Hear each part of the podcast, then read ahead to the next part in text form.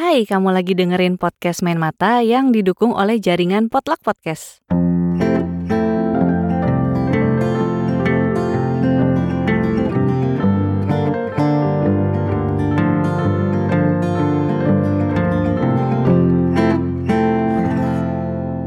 Podcast Main Mata adalah podcast buku yang ngebahas banyak hal seputar dunia buku, mulai dari obrolan dengan para pelaku, rekomendasi buku, cerpen audio, sampai tantangan untuk kamu para pembaca.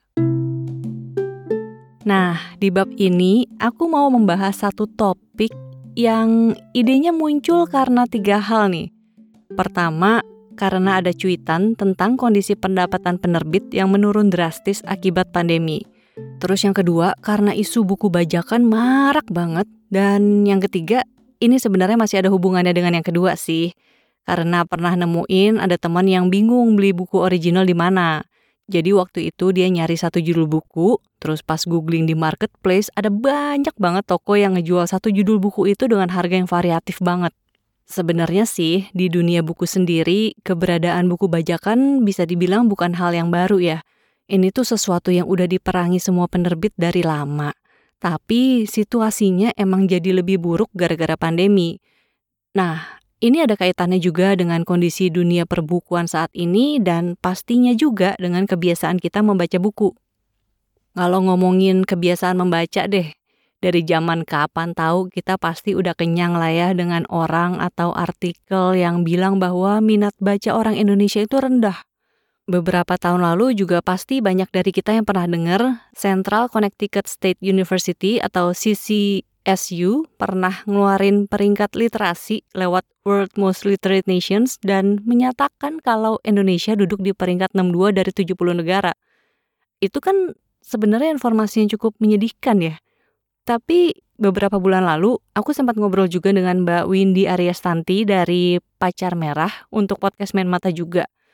Nah, di obrolan itu Mbak Windy bilang kalau dari hasil pengamatannya dan dia kan juga orang yang terjun langsung ke lapangan ya. Katanya dia sebenarnya minat baca orang Indonesia itu tinggi, tapi justru akses ke literasinya itu yang masih kurang banget. Apalagi buat orang-orang yang tinggal di daerah, khususnya daerah terpencil ya. Jaringan toko buku besar tuh mungkin cuma dikit banget atau malah nggak ada.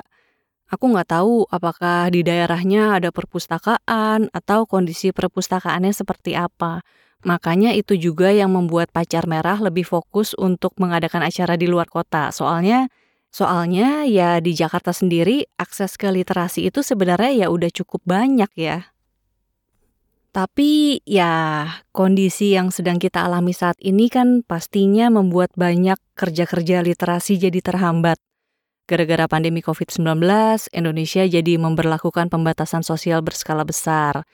Terus itu juga berlangsung selama beberapa bulan dari bulan Maret kemarin.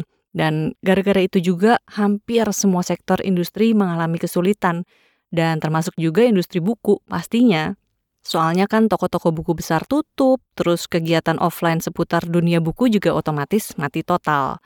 Nah, aku tuh lupa persisnya kapan, tapi seperti yang aku ceritain tadi di awal, kalau nggak salah nih, sekitar 1-2 bulan setelah PSBB dimulai, aku nemuin ada cuitan di Twitter yang bilang kalau pendapatan penerbit itu tinggal 10% aja karena toko-toko buku fisik tutup. Ya tentunya penutupan sementara toko buku besar ini punya andil cukup banyak ya, terutama bagi penerbit-penerbit mayor atau penerbit yang sebagian besar penjualannya mengandalkan jaringan toko buku besar ini.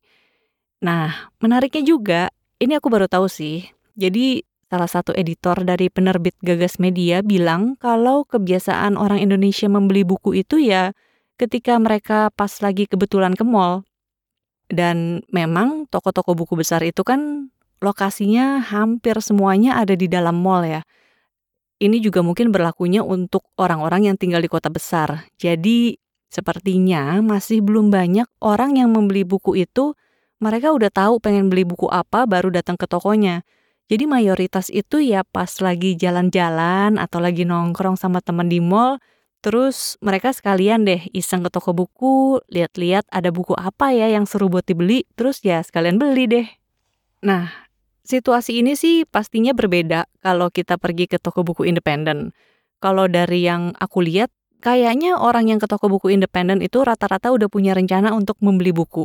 Soalnya biasanya toko buku independen emang nggak menjual seluruh genre buku, tapi menjual buku-buku yang seleranya ditentukan oleh selera si pemilik toko.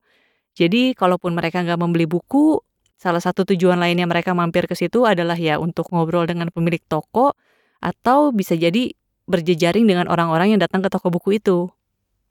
Nah, waktu 2 sampai 3 bulan sejak pandemi, aku mengamati kalau penerbit mayor itu lebih memilih untuk menerbitkan e-book dulu daripada harus mengeluarkan buku fisik.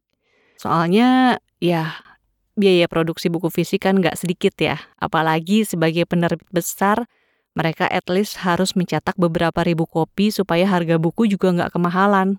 Tapi karena kondisi, mereka juga nggak bisa melakukan promosi yang optimal karena acara-acara offline kayak peluncuran buku atau bedah buku atau bahkan book fair ya udah pasti nggak ada. Nah, cuitan di Twitter yang tadi bilang kalau pendapatan penerbit itu menurun drastis, emang ternyata dikonfirmasi ketika aku menanyakan ke timnya GPU soal ini. GPU ini Gramedia Pustaka Utama. Jadi mereka memang menyebutkan kalau imbas pandemi ini bikin perbandingan penjualannya jadi 9 banding 1 deh. 9 udah pasti ya sebelum pandemi dan satu itu ya di kondisi sekarang. Kondisi sekarang ini dengan catatan PSBB udah diperlonggar dan toko buku udah kembali buka. Jadi meskipun toko buku udah buka lagi, penjualan mereka emang masih belum benar-benar pulih. Makanya daripada berisiko, ya mendingan terbit secara digital dulu. Nah, ini dari penerbit mayor. Terus gimana dengan penerbit independen? Sebenarnya sih aku bukannya maksudnya mau membeda-bedakan antara mayor dan independen, tapi pada realitanya ternyata ya memang kondisinya berbeda. Kalau penerbit independen tentunya ada juga yang kena dampak pandemi, soalnya toko buku independen sendiri kan juga mau nggak mau harus ditutup sementara. Sekarang udah ada beberapa yang buka ya. Tapi dampaknya yang dirasain penerbit independen ini memang nggak sebesar yang dirasakan oleh penerbit mayor. Aku sempat tanya ke beberapa teman dari penerbit independen atau yang berhubungan dengan mereka. Ada dari Invermia Publishing, Terus juga Mbak Windy Arestanti sendiri juga sempat cerita karena kan Pacar Merah menaungi tiga penerbit ya. Ada Indie Book Corner, ada Banana, dan Indonesia Tera. Terus aku juga sempat tanya-tanya sedikit ke Teddy dari Post Bookshop dan ke Hestia Estiviani. Nah, menurut mereka, ini secara garis besar ya, kondisi penerbit independen bisa dibilang lebih baik-baik aja selama pandemi. Ada beberapa yang katanya sempat memotong gaji karyawannya, tapi katanya juga udah kembali normal. Ya, penerbit independen memang lebih nggak terdampak sih, karena target jumlah buku yang harus diterbitkan oleh mereka kan nggak sebanyak dengan target yang dipunyai penerbit mayor. Kemudian sebagian besar dari mereka juga udah punya jalur distribusi sendiri di luar toko buku besar. Misalnya ada toko buku independen dan jalur online mereka juga emang udah jadi salah satu cara utama untuk mereka berjualan buku. Nah, soal jalur penjualan online ini juga yang di-highlight oleh Mbak Windy waktu dia cerita. Jadi Mbak Windy bilang kalau di kondisi saat ini sebenarnya seluruh penerbitan itu ibaratnya kayak lagi memulai pertempuran lagi dari nol. Semuanya sama-sama lagi mencari sistem baru untuk dunia penerbitan di Indonesia. Di satu sisi, penerbit mayor yang selama ini mengandalkan penjualan toko buku fisik lagi belajar untuk shifting ke online. Sementara itu, penerbit independen yang selama ini mungkin menganggap ranah online itu lebih milik mereka sekarang juga kedatangan pemain baru yaitu ya para penerbit mayor ini. Kalau aku perhatiin ya, nggak cuma di industri buku sih ini sebenarnya. Di industri mana pun deh, industri kreatif lainnya juga misalnya, kebanyakan ya pemain besar dan pemain kecil itu suka nggak kerja bareng. Terus sering kali ketika pemain besar lagi kesulitan di ranahnya atau lagi memperluas jangkauan, biasanya dia akan mulai tuh masuk ke ranah pemain kecil soalnya bisa dapetin mainan baru untuk dikulik. Tapi yang suka jadinya kadang-kadang tuh nyebelin adalah si pemain besar ini masuk ke ranah pemain kecil tanpa mengajak kerjasama si pemain kecil yang udah lama berkecimpung di ranahnya. Sering banget deh kejadian kayak gini. Jadi kayak mengambil lahan bukan yang ngajak kerja sama orang yang udah punya lahan supaya bisa sama-sama ngembangin lahannya biar jadi gede bareng-bareng. Emang kecenderungannya entah kenapa sering banget kayak gitu. Ya sebenarnya kan nyebelin juga ya jadinya. Kenapa sih orang suka mau menang sendirian? Dan kayak yang Mbak Windy ceritain juga, kondisi pandemi ini harusnya bikin semua penerbit sama-sama ngerawat semangat kebersamaan. Jadi bukannya yang besar ikutan ke bawah, tapi harusnya ya menyambut yang ada di bawah, nurture yang kecil-kecil biar bisa jadi besar bareng, terus juga supaya pembaca makin punya referensi bacaan yang beragam. Soalnya intinya kan ya kita pengen sama-sama ngebangun budaya membaca ya, bukan cuman budaya beli buku terus ditumpuk aja tapi nggak tahu bacanya kapan. Ya walaupun ya iya pembelian buku akan bikin siklus pembuatan buku terus berjalan, tapi kita kan juga mau sebagai pembaca ikutan tambah pinter dong. Aku emang lihat udah ada kerjasama antara penerbit mayor dengan penerbit independen.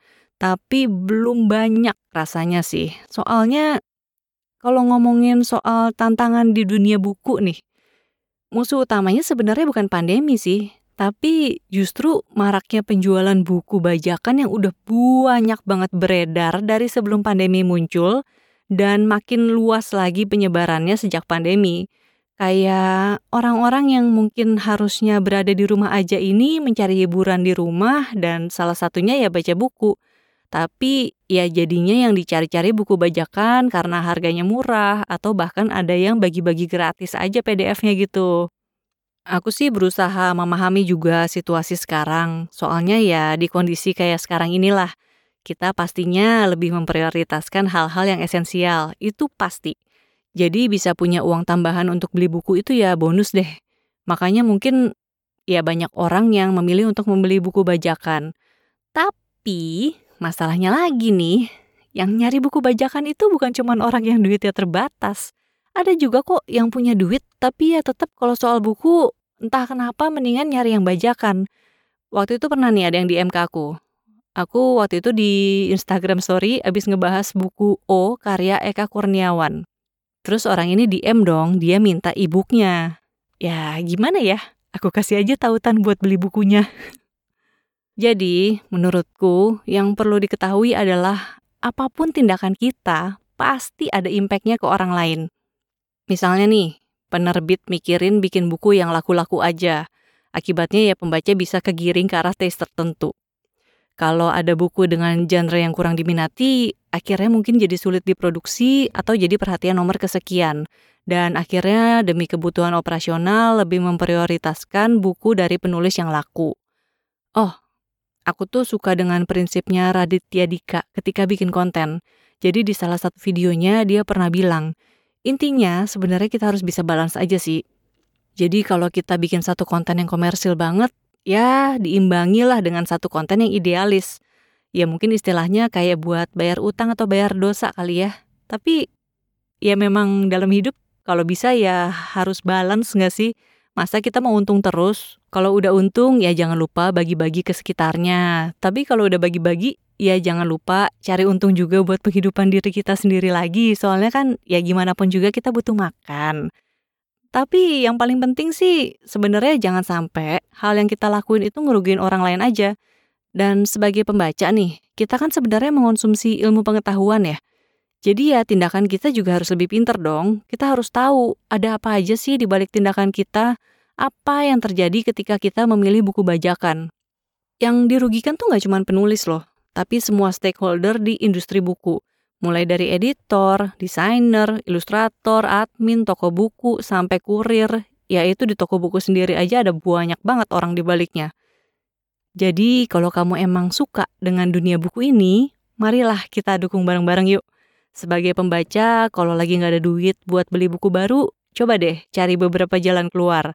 Misalnya, bisa beli buku second dulu dari toko buku bekas atau dari teman-teman atau oh coba deh cek akun Twitter at literary base itu suka ada orang-orang yang ngejual buku bekas atau ada yang ngajakin tukeran buku juga.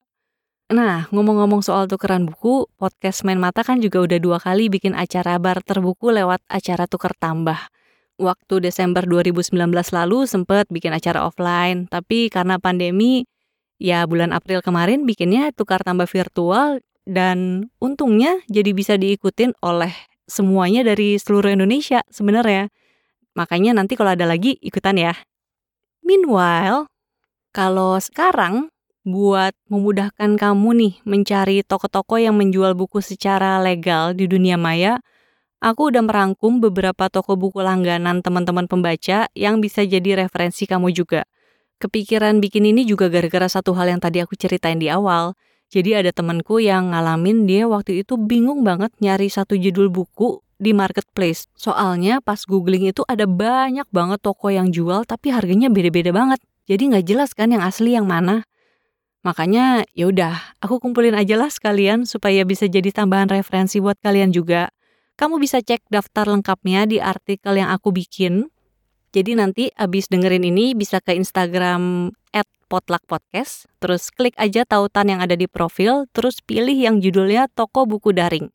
Semua yang ada di daftar itu adalah toko buku online yang punya akun Instagram. Jadi kamu bisa cek katalognya di Instagram mereka. Terus kalau mau beli bukunya di profil mereka biasanya ada kok arahan buat beli di toko mereka yang ada di Tokopedia, Shopee, atau lainnya. Jadi udah pasti legit.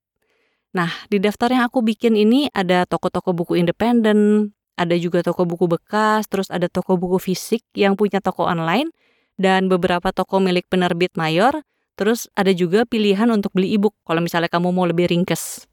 Silakan, jadi abis ini kamu bisa langsung cek ke sana. Aku ulang ya, kamu bisa ke Instagramnya Potluck Podcast, terus klik tautan di profil dan pilih yang judulnya toko buku daring.